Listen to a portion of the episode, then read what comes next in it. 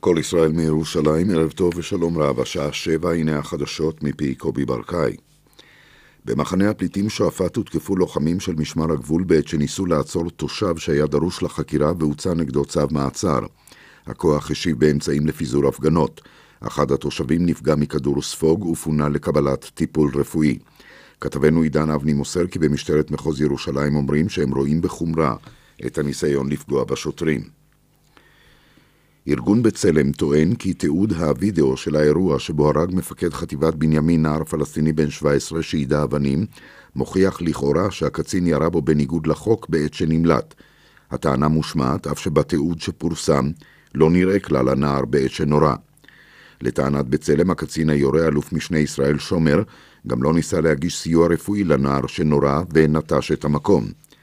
כתבינו ערן זינגר ואפרת וייס מציינים כי צה"ל העניק גיבוי לשומר, ובהודעה שפורסמה לאחר המקרה נאמר כי הוא פעל כמצופה ממנו ועל פי ההנחיות. לאחר התקרית נפתחה חקירה כנהוג לאחר תקריות ירי שבהן נפגעים אזרחים, והיום נחקר הקצין באזהרה. בית משפט השלום בנצרת האריך עד ליום שישי את מעצרם של החשודים בהצתת כנסיית הלחם והדגים סמוך לכפר נחום שבצפון הכנרת לפני כחודש. המשטרה ביקשה להאריך את מעצרם בעשרה ימים. בהצתה נפגעו קל שני בני אדם ונגרם נזק כבד לכנסייה. על פרטי החקירה הוטל צו איסור פרסום. ראש סוכנות הגרעין של איראן עלי סלהי אומר כי בשיחות בווינה הושגה הסכמה ברוב הנושאים הטכניים וכן על הנספחים של הסכם גרעין אפשרי. בכירים אמריקנים ואיראנים ציננו אחר הצהריים את התקווה שהסכם גרעין יושג עוד היום. גורם אמריקני בכיר אמר כי סוגיות מפתח טרם יושבו, ובכירים איראנים אמרו כי מבחינה מעשית אין שום אפשרות שהסכם יושג היום, משום שהוא צפוי להיות ארוך במיוחד, כמאה עמודים. מקור המעורה בשיחות אמר לשליחנו גדעון קוץ, כי המגמה המסתמנת היא להגיע להסכם עוד הערב, כדי שיישלח בלילה לוושינגטון ולטהרן לקבל את אישורם של הנשיאים אובמה ורוהני. לאחר מכן מקווים להכריז על ההסכם בשעות הבוקר ולהציג אותו במשך היום. נשיא צרפת הולנד מבטיח כי יעשה כל שביכולתו כדי לשמור את יוון בגוש האירו. עם בואו לפסגת מנהיגי גוש האירו בבריסל הסביר הולנד כי לא רק עתידה של יוון מונח על כף המאזניים, אלא עתידה של אירופה. לעומתו, קאנצלרית גרמניה מרקל אומרת כי אין להגיע להסכם בכל מחיר. בכיר במפלגת השלטון של יוון הגיב בחריפות על התנאים החדשים שהציבה גרמניה לתוכנית חילוץ חדשה, ואמר כי הם נועדו להשפיל את ארצו. בפזורה הבדואית במזרח הנגב הקיש נחש פעוט בן שנתיים, מצבו בינוני. כתבנו ניסים קינן מוסר כי הפעוט פונה לבית החולים סורוקה. אספות הנושים של מזכירי הנדל"ן וספקי מגה מתקיימות כעת בתל אביב. כעת מצביעים הספקים הגדולים של הרשת ומאוחר יותר יצביעו הספקים הקטנים והבינוניים. יושב ראש מגה ומנכ"ל אלון ריבוע כחול אביגדור קפלן ביקש לתת כתף להבראת מגה ואמר כי קריסתה עלולה לטלטל את כל שוק הקמעונאות. קפלן הוסיף כי ההנהלה תעשה כל שביכולתה להציל את החברה. כתבתנו נעמה עוזרי מוסרת כי ביום שלישי יוצגו בבית המשפט תוצאות ההצבעה. בגבעות הכורכר של ראשון לציון פעלו בימים האחרונים דחפורים ופגעו בשטחי הגידול של אירוס הארגמן, שנמצא בסכנת הכחדה. החברה להגנת הטבע פנתה לראש העירייה דוב צור בדרישה לפעול לעצירת העבודות. מעיריית ראשון לציון נמסר לכתבנו גיא קוטב כי מחר יצא מפקח למקום ויוציא צו להפסקת העבודות משום שהן נעשות בלי היתר. בתגובה נאמר כי מדובר בקרקע פרטית שאינה מוכרזת שמורת טבע. העירייה פועלת בשיתוף רשות הטבע והגנים להקים מנגנון של חכירת השטח מהבעלים עד להכנת תוכנית כוללת במתחם. עורכת החדשות, הילה מרינוב. התחזית מחר תהיה התחממות קלה, ביום שלישי עוד התחממות בעיקר בהרים, ביום רביעי בלי שינוי של ממש וביום חמישי עוד התחממות. מידות החום המרביות מחר בצהריים, בירושלים, בתל אביב ובצפת 30 מעלות, בחיפה 28, בבאר שבע 33 ובאילת 40 מעלות. זה סוף החדשות מכל ישראל. רשת ב' של כל ישראל כל החדשות, השידור הציבורי שלכם ובשבילכם. מיד דין ודברים, אך לפני כן מוקד התנועה רויטל עמית, בבקשה. תודה לך, איריס לביא, ושלום לכם. בדרך תל אביב-אשדוד יש עומס תנועה ממחלף השבעה עד ראשון לציון בגלל תאונת דרכים. דרך עכו נהריה עמוסה מצומת שומרת עד צומת רגבה. בדרך החוף צפונה עמוס ממחלף גלילות עד מחלף חוף השרון. בדרך חמש עמוס ממחלף גלילות עד מחלף ירקון. בגאה צפונה עמוס ממחלף השבעה עד גבעת שמואל, ובכיוון דרום ממחלף גאה עד בר אילן. באיילון דרומה עמוס ממחלף רוקח עד לגוארדיה. דרך ארבע עמוסה ממחלף מורשה עד מחלף רעננה מרכז. דרך 57 עמוסה משער חפר עד הצומת השרון. מוקד התנועה של כל ישראל, כוכבי 955 מטלפונים ניידים, 24 שעות ביממה.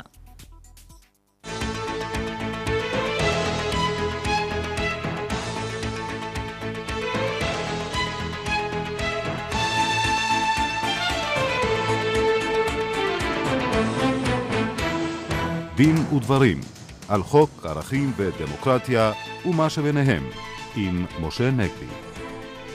שלום לכם, עורכת התוכנית אורית ברקאי, בהפקה דפנה אברהם, טכנאי השידור משה מושקוביץ, כאן ליד המיקרופון משה נגבי ואיריס לביא. מיד נעסוק כאן בהיבטים החוקתיים של הטיפול בסוגיית האזרחים הישראלים שחצו את הגבול לעזה. באולפנינו המומחה למשפט חוקתי וציבורי והשר לשעבר הפרופסור שמעון שטרית מהאוניברסיטה העברית, שגם התייחס לדיון בבג"ץ על כשירות ראש הממשלה לשמש שר בארבעה משרדים. כמי שהיה שר הדתות, יגיב כאן גם הפרופסור שטרית על פקפוקי השר כיום דוד אזולאי ביהדותם של רפורמים ואחרים. מי ישמור על שומרי המשפט? זו כותרת ספרה החדש של האורחת שלנו באולפן, הפרופסור נטע זיו מאוניברסיטת תל אביב, המנתחת את השפעת הגידול במספר עורכי הדין על מערכת המשפט ועל הצדק החברתי. נשמע את תובנותיה בעניין. המאבק בהון השחור עשוי להביא לחשיפת חשבונות של מיליארדים שמחזיקים יהודים מהתפוצות בבנקים בארץ. נשמע על כך מאורחנו, המומחה למיסוי בינלאומי, עורך הדין מאיר נוסבאום. כל אלה איתנו, אבל נפתח בהערה בשולי החלטת ראש הממשלה להשעות את הדיון בחקיקה על עונש מוות למחבלים רוצחים. משה. כן, נדמה לי שצדק מאוד ראש הממשלה כאשר הוא מנע אה, דיון חפוז ובוודאי אישור חפוז אה, של הצעת החוק הזאת. קודם כל, כדאי שוב להזכיר את מה שכבר הוזכר, אבל אולי לא מיותר אה, לחזור על כך, שכבר יש לנו חוק שמאפשר הטלת עונש מוות על מחבלים, על רצח שנעשה תוך כדי פעילות טרוריסטית.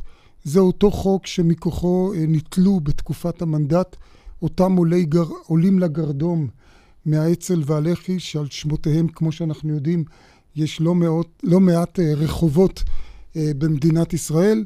אה, מדובר בסמכות שקבועה בתקנות ההגנה לשעת חירום 1945.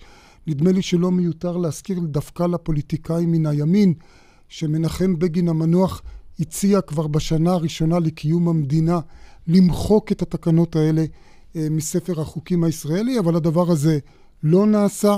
והסמכות הזאת קיימת. אני רוצה לומר יותר מזה, אה, אה, אה, הסמכות הזאת בעצם כבר יושמה במובן הזה שכבר היו מקרים שבתי משפט צבאיים במדינת ישראל גזרו דין מוות על מחבלים, אלא שבכל המקרים הללו או הרמטכ"ל או קצין אחר השתמש בסמכותו כדי לבטל או להמתיק ליתר דיוק את גזר הדין של בית המשפט הצבאי, מה שמראה שהצבא עצמו אה, היה מסויג מן השימוש או מהתבונה שבשימוש אה, בעונש המוות.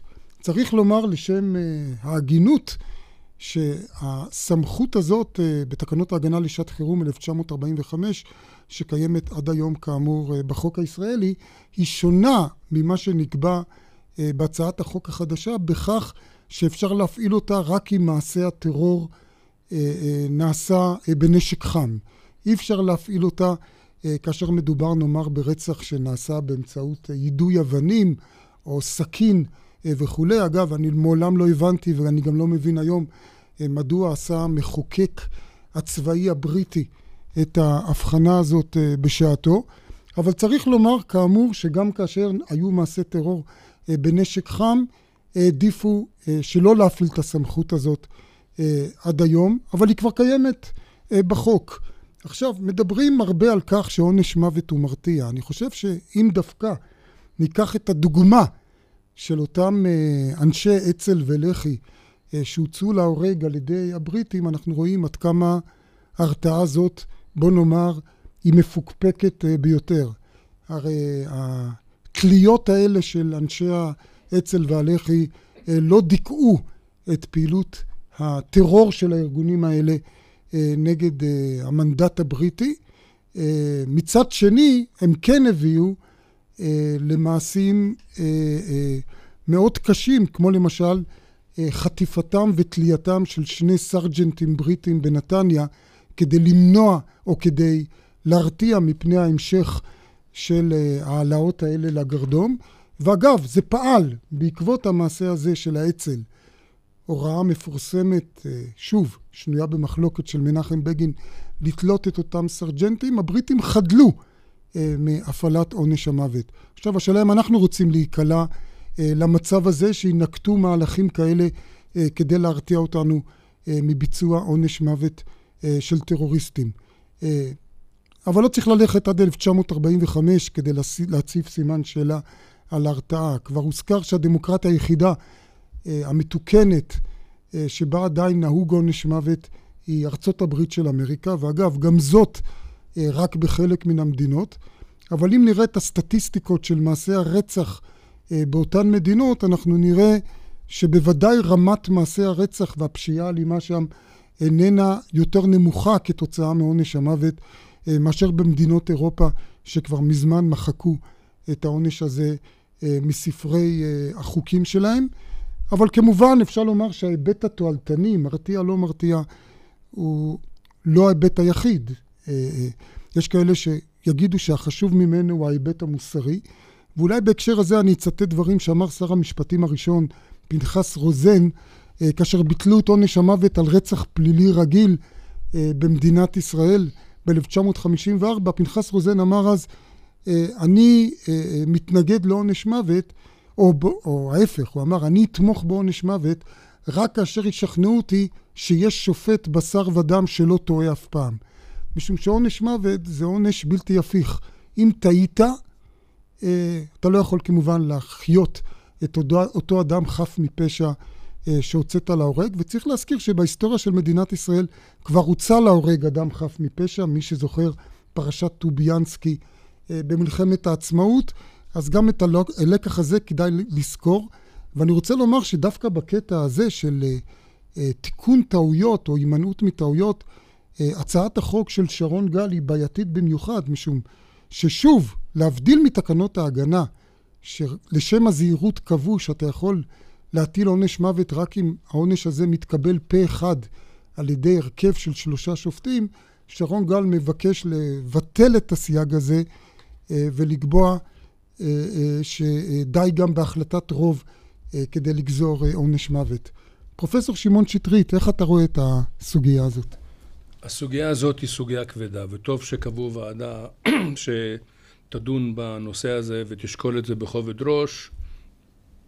אגב, בארצות הברית המגמה של כרסום בעונש המוות התחילה כבר בכמה מדינות, וגם בית המשפט העליון פסל את החוקתיות של הטלת עונש מוות גם על עבריינים צעירים, בית המשפט העליון הפדרלי, כן.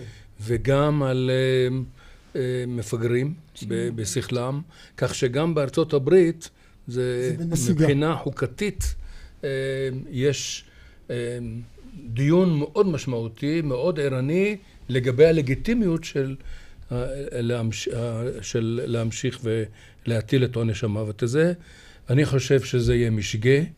אנחנו מתפקדים גם עם טרור רצחני וקשה הרבה הרבה שנים, בלי להיזקק לעונש מוות, ועדיף לנו להתמודד בש... בשיטות, אה, כמה שזה נשמע לא צודק ולא סימטרי, ל... ל... להמשיך להיות הומניים גם כשהם כופים עלינו, אה, כמו שגולדה מאיר אמרה שם, אנחנו, היא, היא כועסת על הפלסטינאים שהיא כופה עלינו לעסוק בהרג. אז אה, אני חושב שמבחינה מוסרית של עצמנו, עדיף להישאר במאסר עולם ובכל השיטות האחרות, אף על פי שהתחושה של הנקמה היא תחושה אנושית, אנושית וטבעית, אבל במקרה הספציפי אבל של... מערכת משפט לא צריכה לפעול כן, מתוך... מערכ- מערכת כן. משפט צריכה להכיל את התחושות הללו ולהמשיך במודל כן. שהוא לא כולל להכיל, אבל בארסנל, לא להכיל. להכיל בכף. אך לא אני להכיל עדיין יודע. בדיוק, ולא- ולא בדיוק, להכיל, כן. ולא להכיל את זה בהצעת החוק, ואני מקווה שהוועדה לא, ת- לא, לא תאשר את ההצעה הזאת. ופרופסור נטע זיו, מה את אומרת על כך?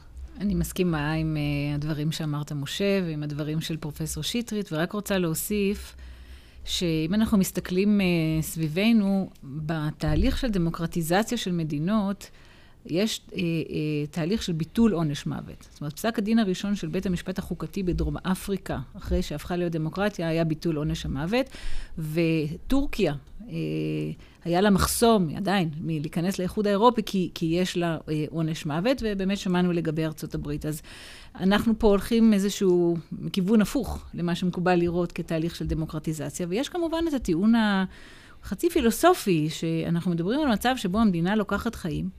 זה בעצם המדינה לוקחת חיים כדי להעביר מסר שלקחת חיים זה, זה דבר לא טוב. אז, אז למה? כדי להעביר את המסר ש... ש של ש- קדושת החיים. שקדושת פוגעים החיים בחיים. זה הדבר הכי כן. חשוב, בעצם אנחנו לוקחים חיים. אה, ובלי באמת אה, סיבה מאוד טובה שיכולה להראות לנו שהרתעה היא עוזרת, אה, אין כאן הצדקה. ולכן גם אני שמחה על המהלך הזה שככה מעכב או עוצר את של ההשעיה. השעיית כן. הדיון של החקיקה. ועכשיו מבט חוקתי על הטיפול בסוגיית הישראלים שחצו את הגבול לעזה, משה. כן, אני חושב, איריס, שמאוד לגיטימי להתווכח ולדון האם צריך לנהוג במי שחצה מרצונו את הגבול לעזה, או לדאוג לו כפי שדואגים אה, לחייל או לאזרח שנחטף לשם בעל כורחו אה, בפיגוע אה, טרור. ומהבחינה הזאת אני חושב שבהחלט לגיטימי אה, שהמדינה תגבש עמדה כזאת, עמדה אחרת, אבל מה שלחלוטין נראה לי לא לגיטימי ואפילו אה, לא חוקתי, שההחלטות בנושא הזה, ההחלטות מה לעשות ומה לא לעשות אה, באותה מידה, אה, יתקבלו אה, תוך העלמת המידע על עצם הבעיה אה, מהקבינט, מוועדת השרים אה, לענייני אה, ביטחון, מן הכנסת ואפילו מן הציבור כולו, ואני אלך אה, אה, בדרגות האלה.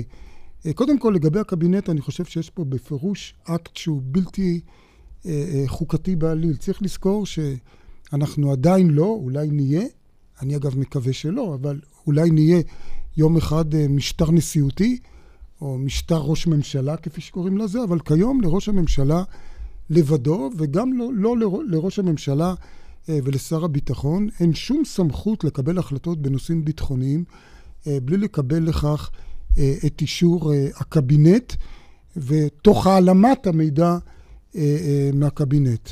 עכשיו, אנחנו היום מציינים בימים אלה 50 שנה לפטירתו אה, של ראש הממשלה השני, משה שרת, ואנחנו יודעים שכבר בתקופתו היו תופעות שבהן מערכת הביטחון פעלה לא רק תוך הסתרת דברים מראש הממשלה, מהממשלה, אלא גם מראש הממשלה. כנראה שהרעה החולה הזאת קיימת אצלנו עד היום, אבל כדאי להזכיר שב-1974, לאחר מלחמת יום הכיפורים, ועדת אגרנט ראתה בעקיפה הזאת של אה, הקבינט אחד הגורמים למחדל, והתריעה שאסור אה, אה, לעשות זאת. עכשיו, לגבי הכנסת, אה, שוב, הביקורת של ועדת חוץ וביטחון, או לפחות ועדת משנה שלה, על נושאים ביטחוניים הוא קריטי, וכשאתה מעלים ממנה מידע, כשאומר אביגדור ליברמן, שהיה אה, אה, אה, גם שר בקבינט וגם כמובן אה, חבר בוועדת חוץ וביטחון, אה, שהוא לא ידע אה, על הדבר הזה, זה עושה ללעג ולקלס את כל הבקרה הדמוקרטית אה, על מערכת הביטחון. אבל אני רוצה לומר שגם מבחינת הציבור, אני לא רואה עילה משפטית למנוע ממנו את המידע הזה. אנחנו כולנו יודעים שמותר לה, אה, להסתיר אה, מידע ביטחוני אם יש ודאות קרובה לפגיעה קשה בביטחון. אני חושב שהטענה הזאת לא יכולה לעמוד כאן. אתה לא יכול לשלול מידע מהציבור רק בגלל שאולי הדיון הציבורי ימנע ממך או ייצור התנגדות להחלטה שאתה רוצה לקבל. אם זה ייצור התנגדות להחלטה שאתה רוצה לקבל, אז תתכבד לעשות את מה שהציבור רוצה, או שתתפטר ותיתן למישהו אחר לתפוס את מקומך. זו משמעות אה, הדמוקרטיה. וזה שבית המשפט נתן צו איסור פרסום, זה שוב מראה שבתי המשפט לצערנו, ידם קלה על ההדק כשמדובר בצווי איסור פרסום, יותר מאשר הצנזורה הצבאית. אני לא מאמין שהצנזורה הצבאית אה, הייתה אומרת שיש פה ודאות קרובה לפגיעה בביטחון ומונעת את הפרסום. פרופסור שמעון שטרית, אתה כבר לפני שנים רבות, אפשר לומר שנות דור, אה, חקרת את העניין הזה של הבקרה על מערכת הביטחון, הבקרה המדינית, הבקרה הפרלמנטרית. שוב, נדמה שלא התקדמנו. ניתוח שלך בהחלט אה, ברור לגמרי שהפיקוח האזרחי גם בתוך הרשות המבצעת וגם הפיקוח האזרחי הפרלמנטרי על אה, רשויות הביטחון לא התקיים במקרה הספציפי הזה ואין ספק שזה כשל. וזה כשל משום שגם אם היה צורך ל... לעצור את המידע הזה משיקולים פרגמטיים של הקטנת מחיר והשארת העניין במישור ההומניטרי להבדיל ממישור של עסקה, של חילופין, אה, אין ספק שהיה צריך לדווח בתוך הרשות המבצעת לקבינט וצריך היה לדווח לא רק בקדנציה הקודמת של הכנסת שזה נעשה לא בצורה מתוכננת אבל בטח גם בקדנציה הזאת שזה כבר מאז אה, שהכנסת הזאת התכנסה כבר עברו לא מעט שבועות ולכן נדמה לי שהיה פה כשל חוקתי, והתפיסה לא נכונה. אנשים חושבים שאפשר לנהל דברים בלי מעורבות או פרלמנטרית או אקזקוטיבית של רשות, בתוך הרשות המבצעת, ולכן אני מקווה שזה יהיה המקרה האחרון שבו הדברים אה, נעשים, אבל בתקופת צוק איתן התעוררו סוגיות דומות, כמו העניין של הפסקת, ה... הפסקת ה... האש שלא הובאה לאישור באישור היועץ המשפטי אמנם, אה, לאישור של הקבינט. אנחנו, שזה... אנחנו גם זוכרים תלונות של השר בנט, שבעצם הוא היה צריך לשלוח שליח, שליחים לשדה הקרב כדי לקבל אינפורמציה בנושא המנהרות וכולי, שלא הובא לקבינט. כן, ו- וזה בקונטקסט של ריבוי ישיבות. כן. זאת אומרת, מצד אחד היה ריבוי ישיבות, ומצד שני היעדר אה, דיווח מלא ועדכון מלא, והבאה להחלטה של סוגיות למשל כמו הפסקת האש. לכן נדמה לי שהתרבות החוקתית שלנו בנוגע לפיקוח אה, אזרחי על ענייני ביטחון, התרבות הזאת ראויה לתיקון ולשיקום. אגב, בארצות הברית יש ועדה של הקונגרס שנקראת oversight או overseeing של מערכת הביטחון גם במשטר נשיאותי ולכן זה לא, זה לא דבר שהוא אה, כאילו במשטר נשיאותי הפיקוח הוא נמוך, פחות יותר. וזה, הוא... למ, וזה למרות שהנשיא שם הוא המפקד העליון המפקד של... המפקד העליון של הצבא, ולכן נדמה לי שיש לנו מה ללמוד מהתרבות החוקתית האמריקאית גם בעניין הזה. ועכשיו על התרבות החוקתית שלנו ולדברים שאמר השופט בג"ץ, חנן מלצר, אה, חולל אה, מיני סערה שהעיר שלראש הממשלה אסור להיות גם שר. ואנחנו חוזרים אליך, פרופ' שמעון שטרית, איך אתה רואה את הדברים האלה? אה, העניין הזה נדון גם בעבר, בפסיקה קודמת, ולי לא נראית ההערה של השופט מלצר. נדמה לי שגם המנהג החוקתי וגם לשון החוק אה, מאפשרת לראש הממשלה להיות ראש ממשלה וגם שר. ההיצמדות לפירוש של הסעיף בחוק יסוד הממשלה שאומר שהממשלה מורכבת מראש הממשלה ושרים אחרים, אני מפרש את זה שגם ראש הממשלה הוא, הוא שר, שר ואחרים. ולכן הוא ואחרים מרכיבים את הממשלה, וגם העובדה שאותו סעיף שעליו הוא הסתמך גם בפסק הדין הקודם וגם בהערות שלו אה, בעתירה שתלויה ועומדת, אה, שהיה סעיף בחוק הבחירה הישירה שאומר שראש ממשלה יכול ויהיה ממונה על משרד. והסעיף הזה לא מופיע היום. הסעיף הזה לא מופיע היום, הוא לא מופיע היום בגלל שבסעיף הקודם כן. היה כתוב ראש ממשלה ושרים. כן. ולכן היה נדרש להגיד שראש הממשלה יכול להיות אה, ממונה על משרד. אבל היום, שראש הממשלה ושרים אחרים, אין צורך בסעיף הזה, ככה נראה לי, וגם אני חושב שמה שכתבה השופטת בייניש, ששינוי כזה, בפסק הדין הקודם, כן. ששינוי מהסוג הזה, למנוע מראש ממשלה להיות ממונה על משרד, זה לא יכול להיראות מאיזה פרשנות דחוקה מילולית כזאת או אחרת. במיוחד על רקע העובדה שכמו שאתה אומר, יש נוהג חוקתי מאז 48 כבר. מאז 48 ראשי ממשלות היו שרים, גם של ביטחון וגם של משרדים אחרים, ולכן... יש מגבלה על כמה אה, תיקים, כמה עכשיו, שרים זה, יכול להיות ראש הממשלה? בשאלה הזאת, אני חושב לא שהשאלה פתוחה, והיא שלא אה, אה, סביר, לא סביר, וזה כבר עניין, השאלה אם זה בקרה פוליטית או בקרה משפטית, לא סביר שאנחנו נכניס בדרך האחורית מה שנקרא תרבות של ממשל, ראש ממשלה דה פקטו, שלמעשה הוא דומיננטי והוא הרבה יותר מאשר ראשון בין שווים. כי הוא מכריע בכל דבר, כל מחלוקת. הנה היום הוא נתן הוראה לשרי הליכוד להצביע נגד הצעת החוק הזאת, שזה לגיטימי, ו... ו... הוא מכריע במחלוקות בענייני ביטחון, הוא מכריע במחלוקות בענייני תקציב. יש לו את הסמכויות האלה שהתגבשו במהלך כל שנות המדינה.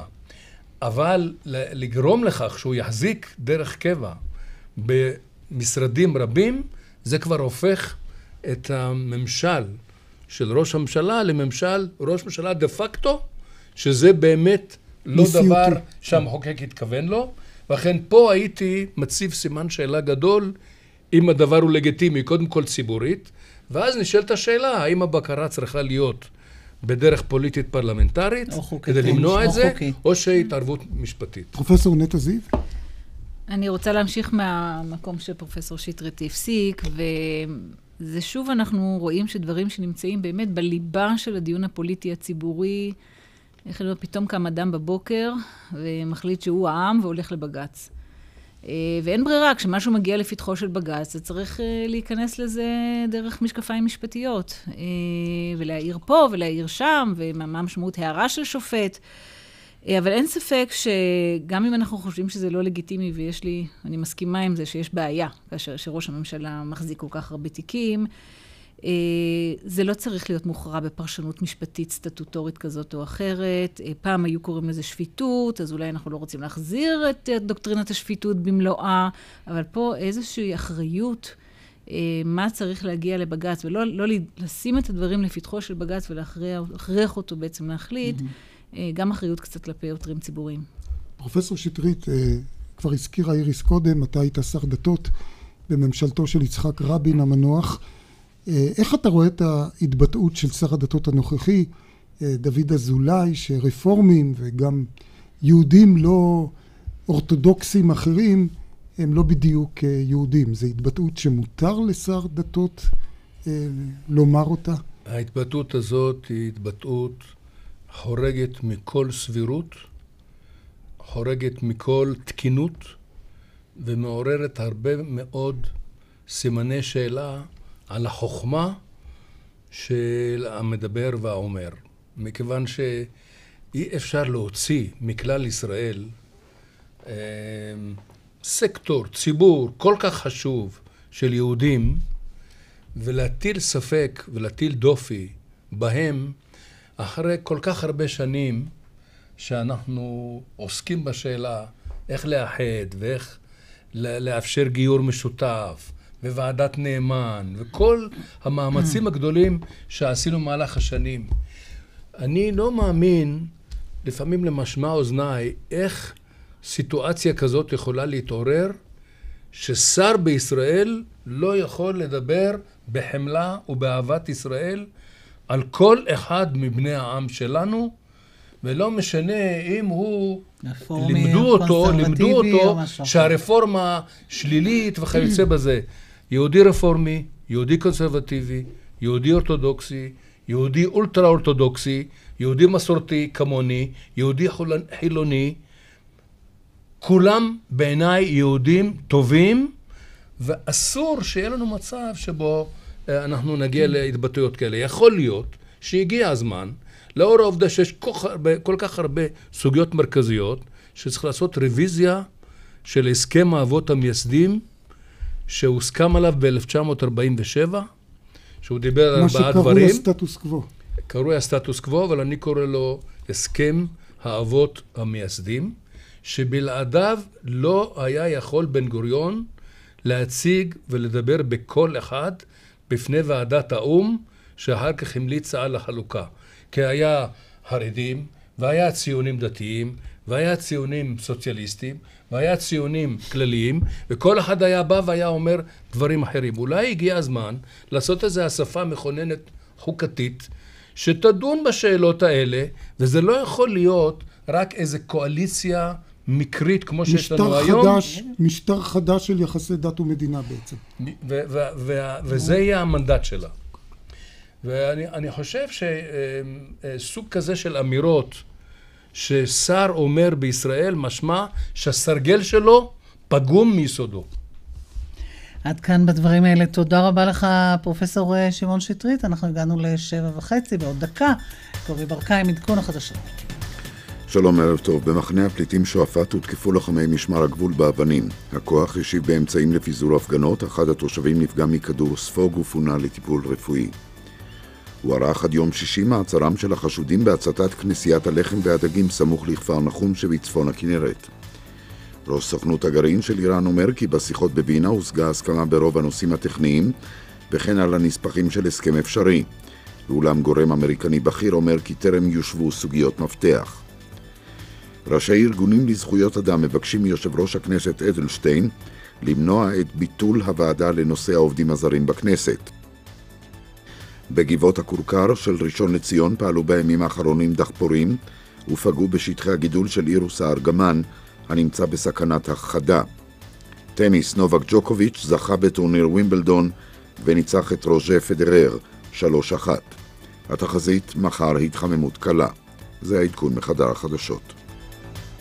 הערוץ הראשון גאה להציג חגיגה לעיניים. זה הוליווד, זה צריך למכור! בפעם הראשונה בטלוויזיה, סיפורו של הקולנוע הישראלי בסדרת תעודה בעשרה פרקים.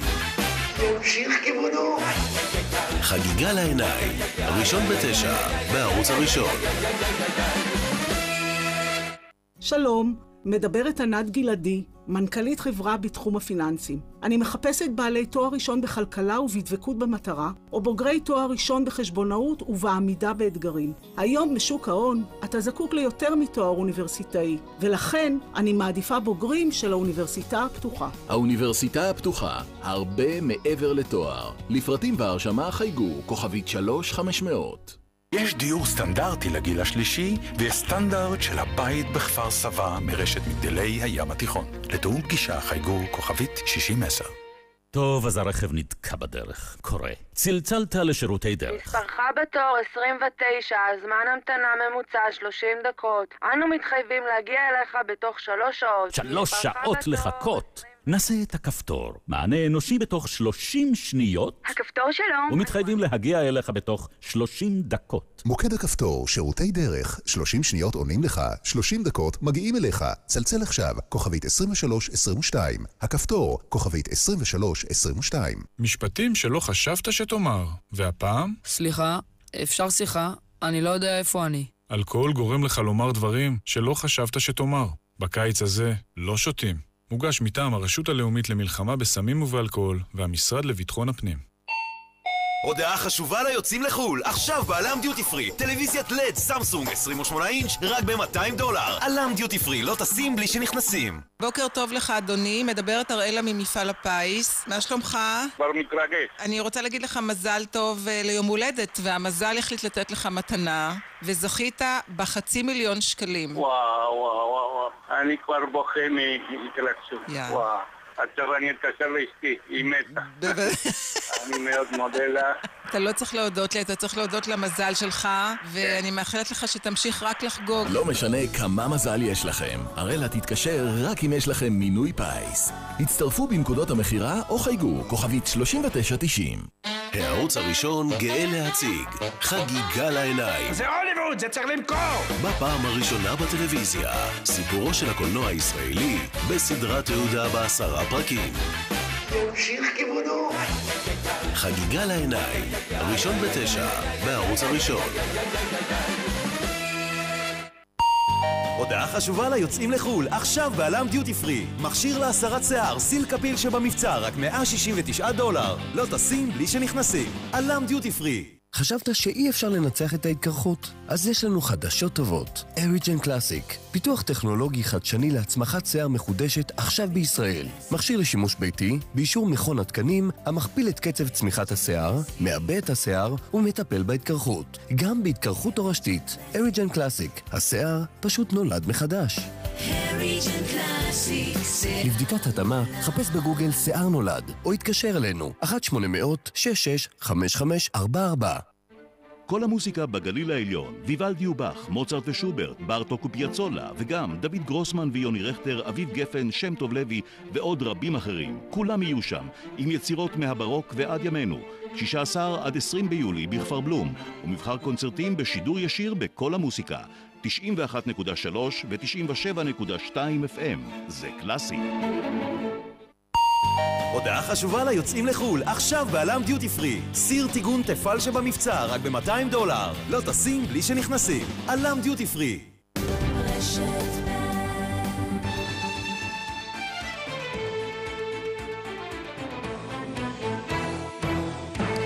אנחנו כאן בדין ודברים, רשת ב' של כל ישראל. ועכשיו אלייך פרופסור נטע זיו מאוניברסיטת תל אביב, ואל ספרך, מי ישמור על שומרי המשפט, עורכי דין בישראל, בין מדינה, שוק, חברה אזרחית. אז אנחנו רוצים, שלום, ערב טוב, לשאול אותך איזה שינויים באמת מהותיים התחוללו בעקבות אולי הגידול במספר עורכי הדין. כמה, אגב, עורכי דין יש היום בישראל? יש לנו היום בישראל הרבה עורכי דין, יש לנו למעלה מ-60 אלף עורכי דין, ומה שמעניין זה לא המספר המוחלט, אלא באמת היחס פר קפיטה, כן, כמה עורכי דין לאדם. כאן אנחנו שיאנים עולמיים. יש בישראל עורך דין אחד לכל 140, 145 אנשים, שזה קצת מבהיל כשחושבים על זה. התופעה של גידול במספר עורכי הדין, אבל היא לא מיוחדת לנו, היא קורית בכל העולם, אבל אנחנו באמת מצטיינים כאן. ובאמת השאלה הראשונה היא, למה, למה זה צריך להעסיק אותנו? למה בכלל אנחנו מדברים על זה כל כך? מה זה חשוב, אם יש הרבה עורכי דין, או אם יש מעט עורכי דין? ובאמת מה שאני מנסה לעשות בספר זה להסתכל וככה להאיר לרגע על מקצוע עריכת הדין. בגלל שאנחנו מדברים הרבה פעמים על המשפט ועל צדק ועל נגישות למערכת המשפט, לא תמיד שמים לב שעורכי הדין הם שחקנים, הם סוכנים, הם מתווכים מאוד מאוד חשובים בסיפור הזה של עולם המשפט. בעצם שומרי סף, הם במידה רבה קובעים את הנגישות של האנשים למערכת. נכון, אז, אז הם גם שומרי סף במובן המה, הסטרוקטורלי, כן? הרבה פעמים אי אפשר למצות את הזכויות בלי עורכי דין, אבל אנחנו היום נוהגים גם להביט על עורכי דין, גם על שומרי סף ערכיים. כלומר, אנחנו מטילים עליהם כל מיני חובות ציבוריות, מעבר לש, למה שהיינו מטילים על אדם אחר, רגיל, שאיננו עורך דין, וגם מעבר למה שאנחנו מטילים על עיסוקים אחרים. ובאמת, כל הרעיון של הפרופסיה, שאנחנו מדברים כאן על איזשהו סטטוס, שואל את השאלה. מה, ה, מה קורה שם במתח בין האינטרס הציבורי והאינטרס הפרטי במקצוע עריכת הדין? עכשיו, את מותחת בספר ביקורת די חריפה, הייתי אומר, על לשכת עורכי הדין, שבעצם, ככה אני התרשמתי מהספר, נטשה, אם לא במוצר למעשה, את המחויבות הציבורית הזאת שאת מדברת עליה, ובעצם היא הפכה להיות איזה מין ארגון שכל מה שמעניין אותו זה לשמור על הפרנסה של עורכי הדין, על האינטרסים הכלכליים שלהם. אני זוכר תקופות אחרות, בוודאי גם את, שראשי לשכת עורכי דין כן הובילו מאבקים חברתיים, מאבקים לזכויות אדם וכולי, אבל היום יש מגמה אחרת.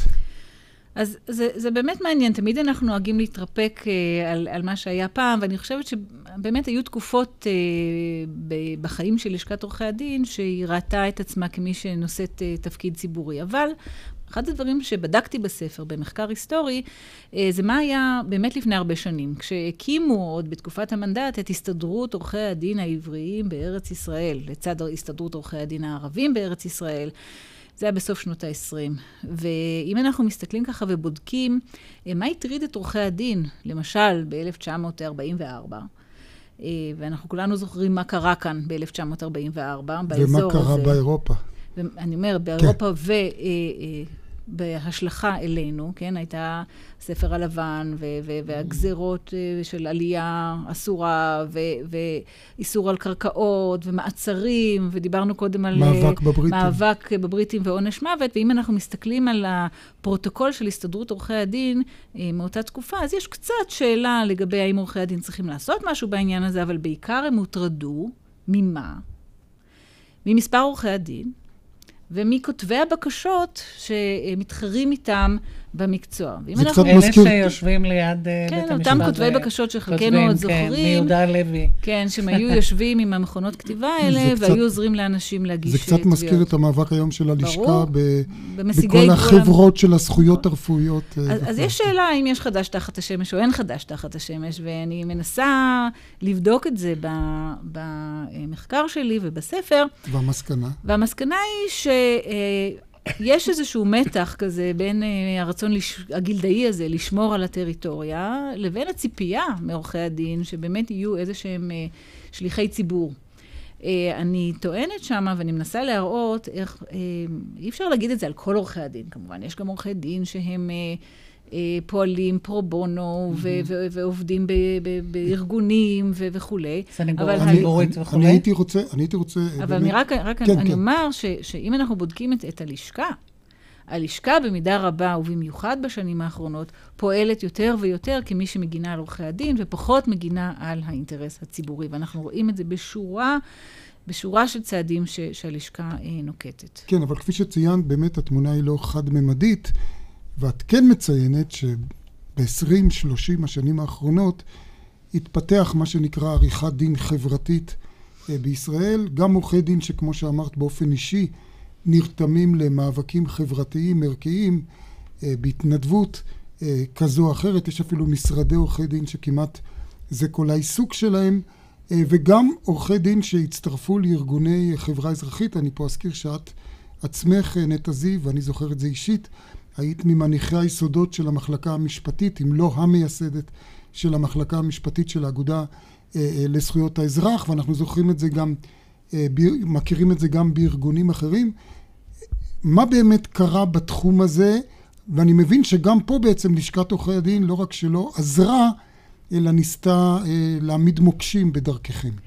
אז באמת פרק אחד בספר שלי מוקדש לאותה פרקטיקה של מה שאני קוראת עורכי דין ציבוריים חברתיים. אני אגב רוצה לכלול שם גם את הסנגוריה הציבורית והאגף לסיוע משפטי, שהיום הולכים, רואים את עצמם יותר ויותר כמי שמייצגים את החלשים, כמי שמייצגים את, ה, את הצדדים שאין להם אפשרות לרכוש את השירותים האלה בשוק הפרטי, ולהם מצטרפים כמובן עשרות, אם לא מאות, של עורכי דין, גם בשוק הפרטי וגם בארגוני החברה האזרחית, בקליניקות המשפטיות, שבאמת רואים במקצוע הזה איזושהי, איזושהי שליחות.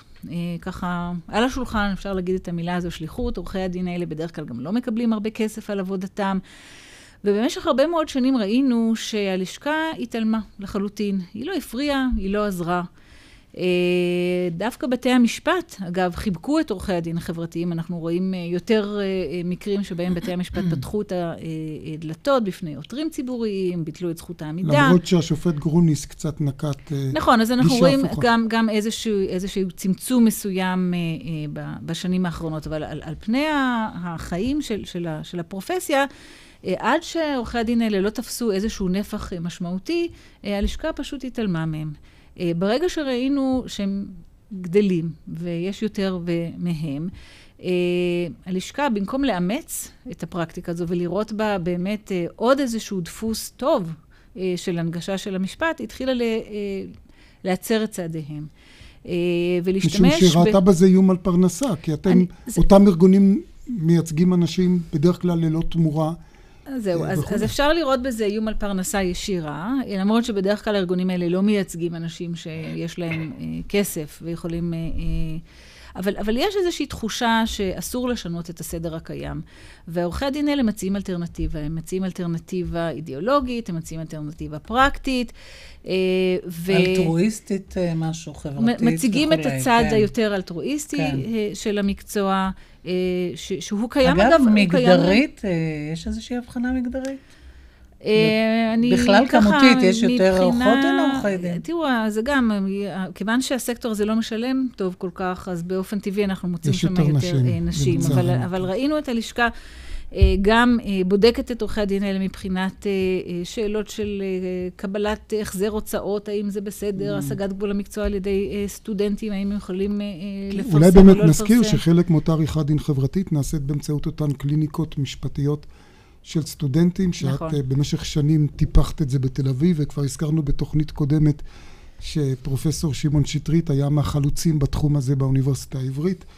אה, אה, אה, אני מבין שגם הקליניקות האלה, העובדה שסטודנטים נותנים ייעוץ משפטי, גם, גם זה לא מצא חן בעיני נכון, הלשכה. נכון, גם זה העלה שאלה, ומה פתאום באוניברסיטה, וזה לא משרד עורכי דין. כלומר, כל, כל דפוס מקצועי שהוא קצת שונה מהרגיל, ישר מעורר חשד ומעורר התנגדות, ו, וזה חבל.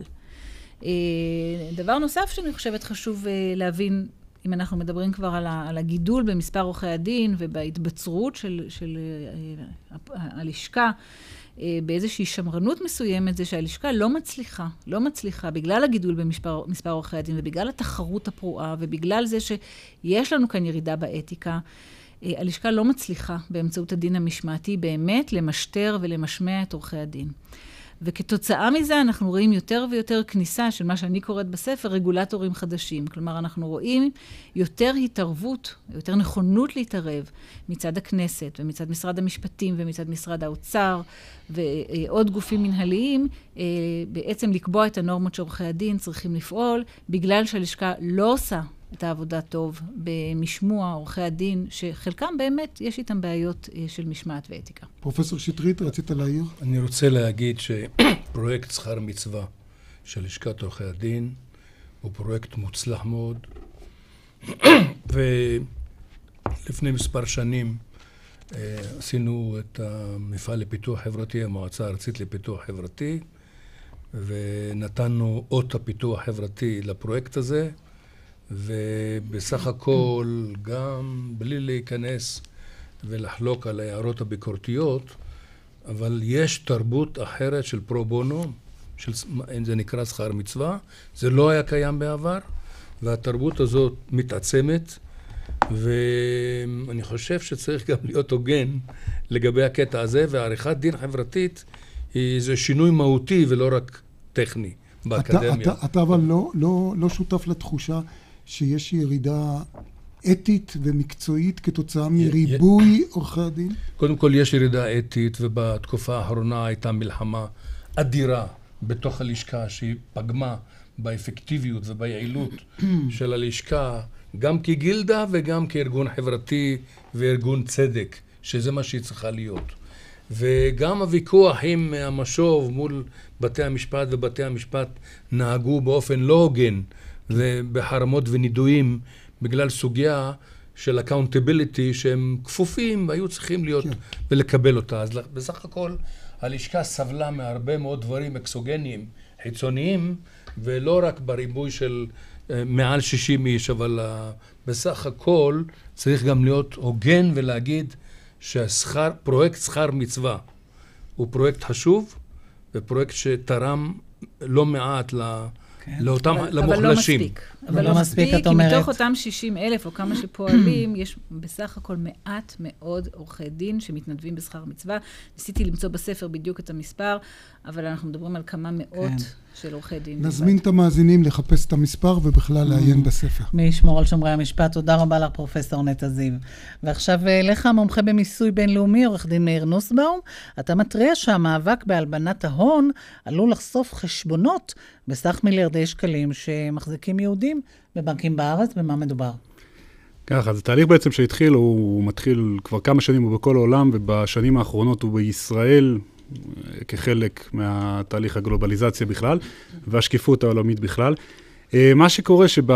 בוא נגיד לפני חמש-שש שנים, התחילו האמריקאים בעצם להכיל כל מיני כללים אה, רגולטוריים על מנת להגיע לחשבונות מס של אמריקאים ברחבי העולם, חשבונות מס לא מדווחים. במסגרת הזאת אה, חוקק חוק שנקרא חוק הפתקה, שהוא רלוונטי לאזרחים אמריקאים, והוא בעצם, על בסיסו, נחתמה איזה סוג של אמנה בין ישראל לבין ארה"ב, של חילופי מידע בנוגע לחשבונות אה, של אזרחים אמריקאים בישראל. זוכרים שהיו הליכים נגד בנקים ישראלים, במיוחד בנק לאומי, שעזרו לטענת האמריקאים ליהודים להסתיר את החשבונות. אז כתוצאה מכך באמת, אה, נפתחו כמה חקירות, שהרצינית והגדולה ביניהם שנגמרה, שהסתיימה גם, והטילה קנס של 2.4 מיליארד שקל על בנק לאומי, ובמסגרת הדוח נכתב מפורש, גם נאמר שבמשך השנים אה, בנק לאומי עזר או סייע אה, לתושבי, לאזרחי ארה"ב להסתיר את הכספים שלא היו מדווחים שם.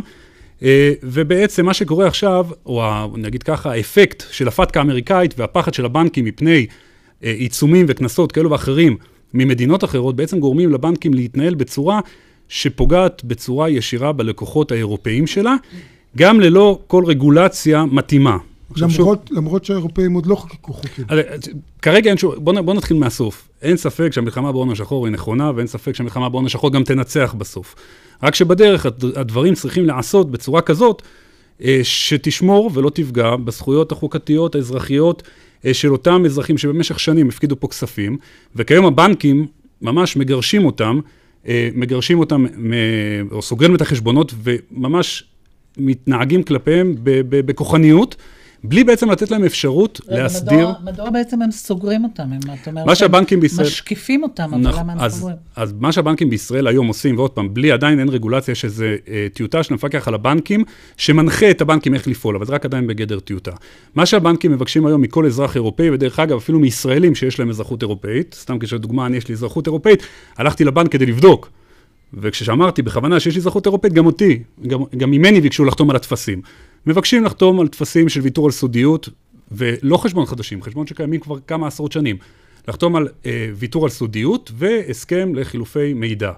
עכשיו, גם הבנקים בשוויץ מבקשים את זה מהלקוחות שלהם, כי זה הרגולציה היום בעולם. אבל, בניגוד לבנקים בישראל, שאם אני לא מסדיר את זה תוך תקופה מסוימת מאוד קצרה, הם מסלקים אותי מהבנק, ועוד, זה, זה סוג של אות קין, שמים לי איזה חותמת על הצ'ק של EU person, ושאחרי זה אני בעצם לא יכול לעשות כלום עם הדבר, אפילו לא יכול להסדיר את זה. הבנקים בשוויץ נותנים זמן להתארגנות.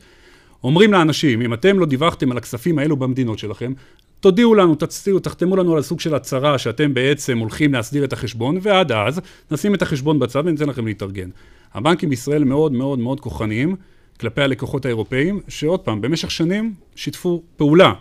אה, פשוט הגישה צריכה להיות קצת יותר שוב, עניין של מדיניות, גם מדיניות של מפקח על הבנקים, לתת לאזרחים האירופאים להתארגן, לעשות את זה בצורה מושכלת. אתה הולך היום לבנקים ואתה בא עם אזרחים אירופאים ואתה מנסה לערער בעצם על, על, על הגישה של אותם, אותה מערכת בנקאית כלפיהם, אין עם מי לדבר. אתה, אתה, אתה רואה פה גם נזק, אולי, אה, סליחה על המילה הגבוהה, אה, לציונות, כי בסך הכל יהודים השקיעו פה את הכסף, מתוך מחשבה אולי לבוא לכאן לקראת הרוב ימיהם, שיהיה להם את אותם חסכונות אני, וכולי. כן, אני חושב שהמדיניות... שנוקטת בה עכשיו, או ש, שמנסים לנקוט בה בצד אחד, היא מדיניות, מדיניות שפוגעת, פוגעת ביהודים ששנים השקיעו פה בישראל, ובאמת, עוד פעם, משכו אותם. משכו אותם פה לחשבון בנקים בישראל, רדפו אחריהם, רדפו אחריהם למדינות שלהם, רצו רק שישקיעו פה בישראל, ישימו את הכסף. ופתאום ברגע הכל מתהפך עליהם. אז בוודאי, דבר ראשון, שיש אה, יהודים שקשה, ממש הם מרגישים כאילו, בסדר, אז יש שקיפות וצריך להתארגן והכל בסדר, אבל דברים צריכים להיות במדיניות מסודרת. לא יכול להיות שבצד אחד מעודדים עלייה, קוראים, הכל, מצד שני, בבת אחת מנסים והולכים כנגד כל הכוח, כנגד אותם אנשים. פרופסור שטרית, יש לך הערה? עולם הבנקאות, אני בטוח שיש לו את היכולות לעשות את הדבר הנכון, דהיינו שקיפות ועמידה בחוקים, אבל עם שכל ישר. ואת השכל ישר הם איבדו פה. ואנחנו נסיים כאן. תודה רבה לכל אורחינו, לפרופסור שמעון שטרית, לפרופסור נטע זיו, לעורך דין מאיר נוסבאום, עורכת התוכנית אורית ברקאי, המפיקה דפנה אברהם, הטכנאי משה מושקוביץ, באולפן היינו משה נגבי ואיריס לביא.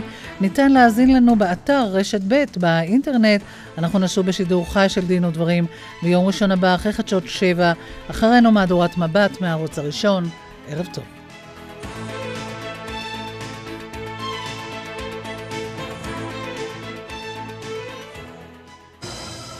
סירק דה סולי מביאים אלינו בפעם הראשונה את המופע קידם, אקרובטיקה מהפנטת, במופע מרהיב מבית סירק דה סולי. קידם, עכשיו, היכל מנורה תל אביב, מכירת הכרטיסים בעיצומה, חייגו כוכבי 9066. כשאתה רוצה את הטוב ביותר... בסט אינבסט, תוכנית חיסכון מבית הכשרה חברה לביטוח. האמור אינו מהווה ייעוץ השקעות או הזמנה להשקעה. התשדיר הזה כדאי שתשימו לב. עבודות הרכבת הקלה מגיעות ללב מטרופולין תל אביב. בתקופת העבודות צפוי עומס תנועה במקומות מסוימים, ויהיו שינויים בהסדרי התנועה. לכן מומלץ להשתמש בתחבורה הציבורית ובחניוני חנה וסע, שבהן יופעל שירות היסעים, שאטלים, אל מרכזי התעסוקה ובחזרה. לעדכונים שוטפים, היכנסו ל-www.nta.co.il. אנו מתנצלים על אי הנוחות ומודים על הסבלנות. קשה עכשיו, הקלה אחר כך. סובלת מנשירת שיער? התקשרי עוד היום לאבחון מיקרוסקופי. 90% הצלחה בעצירת הנשירה. מעבדות הר קליניק, כוכבית 2646. עוד פרסומת לדיור מוגן, ועוד אחת. אבל מה זה דיור מוגן? מתאים לכם לגור שם? כאן איריס כהן, מנכ"לית אחוזת בית רעננה. כדי להבין באמת מהו דיור מוגן, אני מזמינה אתכם לחמישה ימי רוח מלא באחוזת בית רעננה. לקבל דירה מרועטת, להכיר את הדיירים, ליהנות מהבריכה, מהארוחות, מפעילויות התרבות, מהפארק וממרכזי הבילוי שלנו. מעוניינים להתארח ולהתנסות? הכינו את המזוודות. התקשרו, כוכבית 9997. מכון אבשלום, לימודים באבשלום. מכון אבשלום, המוביל בלימודי ארץ ישראל. יום פתוח ב-15 ביולי. כולכם מוזמנים. לקבלת ידיעון והרשמה, חייגו כוכבית 6056. כשאתה רוצה את הטוב ביותר... פסט אינבסט, תוכנית חיסכון מבית הכשרה חברה לביטוח. בני הגיל השלישי, הבית בכפר סבא מרשת מגדלי הים התיכון, מזמין אתכם לגור בלב פארק ירוק, קרוב למרכז העיר. כי יש דיור סטנדרטי לגיל השלישי, ויש סטנדרט של הבית בכפר סבא מרשת מגדלי הים התיכון. ולרגל ההצלחה, מסלול יהלום נמשך למצטרפים עד ראש השנה. לתיאום פגישה, כוכבית 6010, כפוף לתקנון. אני מבקש לדבר עם עינב בן דוד. לא. לא, מי זה? אראלה ממפעל הפיס. לא, לא יכול להיות. מה שלומך? מה, מה ש... לא יודע, תגידי לי איך. התקשרתי כדי לבשר לך שזכית במכונית, תתחדשי, לא. מזל טוב. לא נכון, לא נכון, אמא, אמא, אמא. את לא, את לא באמת, אני לא מאמינה. קיבלת חיבוק גדול מהמזל. יואו, אני תמיד שומעת את האנשים שאת מדברת איתם, ואני אומרת, אני אישה הרבה יותר נורמלית, ואני לא... לא משנה כמה מזל יש לכם, אראלה תתקשר רק אם יש לכם מינוי פיס. הצטרפו בנקודות המכירה או חייגו, כוכבית 3990. ממי, צלמי אותי בג'ונגל. יו, צלמי אותי בחלל, ונופל מבניין. נו ממי, צלמי אותי נלחם בחייזרים, נו. נו ממי, נו ממי, באנו בשביל הילדים, זוכר? Trick Art, תערוכת תעתועים ואשליות אופטיות מרהיבות בעולם דמיוני, קסום ומהפנט, גם לילדים וגם להורים. Trick Art, לצלול, לעופף, לצלם ולשתף. Trick Art, יולי-אוגוסט, ביטן 2 מחדש, גני התערוכה. להזמנות כוכבית 9066, או חפשו Trick Art בגוגל. אופטיקנה אומרת trade-in. מביאים זוג משקפי ראייה או משקפי שמש ישנים ומקבלים 400 שקלים מתנה. לקניית משקפי ראייה או משקפי שמש חדשים ממותגים נבחרים. אופטיקנה, התשוקה למשקפיים. בתוקף עד 24 בחודש או עד גמר המלאי. הטבה אחת ללקוח. שלום לכם, כאן יעקב אילון. לא לשכוח, הערב בשמונה אתם מוזמנים להצטרף אליי למהדורת מבט בערוץ הראשון. יהיה מעניין, וגם רואים HD. ובכן חברים, מי בעד? מי נגד? הוחלט. מחזיקי מניות או אגרות חוב? אל תיתנו להחלטות בעניין הכסף שלכם להתקבל בלעדיכם. רשות ניירות ערך משיקה את הצבע הון, מערכת אלקטרונית חכמה להצבעות מהבית באספות הכלליות. מהיום, באמצעות הצבע הון, תוכלו להצביע ולהשפיע מהאינטרנט בקליק אחד. כך תוכלו להיות מעורבים בקלות בהחלטות החברה, מכל מקום ובכל שעה. שלא יחליטו בלעדיכם. פרטים באתר רשות ניירות ערך. היי, ארקדקד, אתה בא לפלאפל? לא דביר, לא היום. לא לפלאפל? ארקד, היית מרגיש טוב? הייתי בבנק שלי. הוציאו לי את התיאבון. דוך דוך, אתה חייב לעבור לבנק שאכפת לו מהשמחה שלך. טוב, אני קופץ לפלאפל, תעבור יותר מאוחר? מה, בפלאפל? לא, בבנק. רעבים לבנק שאכפת לו מהשמחה שלכם? לבנקאות שמחה עם כל התוספות חייגו למזרחי טפחות, כוכבית 8860. ועכשיו, במחסני חשמל, מזגני טורנדו לג'נד עם חמש שנות אחריות מלאות. המחיר נמוך מדי במחסני חשמל יש דיור סטנדרטי לגיל השלישי, ויש סטנדרט של הבית בכפר סבא מרשת מגדלי הים התיכון. לתיאום פגישה חייגו כוכבית 6010. רשת ב' של קול ישראל. אנו עוברים עתה אל הטלוויזיה הישראלית, הערוץ הראשון, לשידור מהדורת מבט. מיד נרחיב על כך. וגם על ההתפתחויות בתחקיר היומן על תאונת הדרכים שטויחה. איילה חסון, מה בהמשך בעניין הזה? בהמשך נאמר שהפרקליטות, מחוז, פרקליטות מחוז תל אביב מפרסמת היום הודעה שהיא לא תפתח את תיק החקירה. לנו יש את ההסבר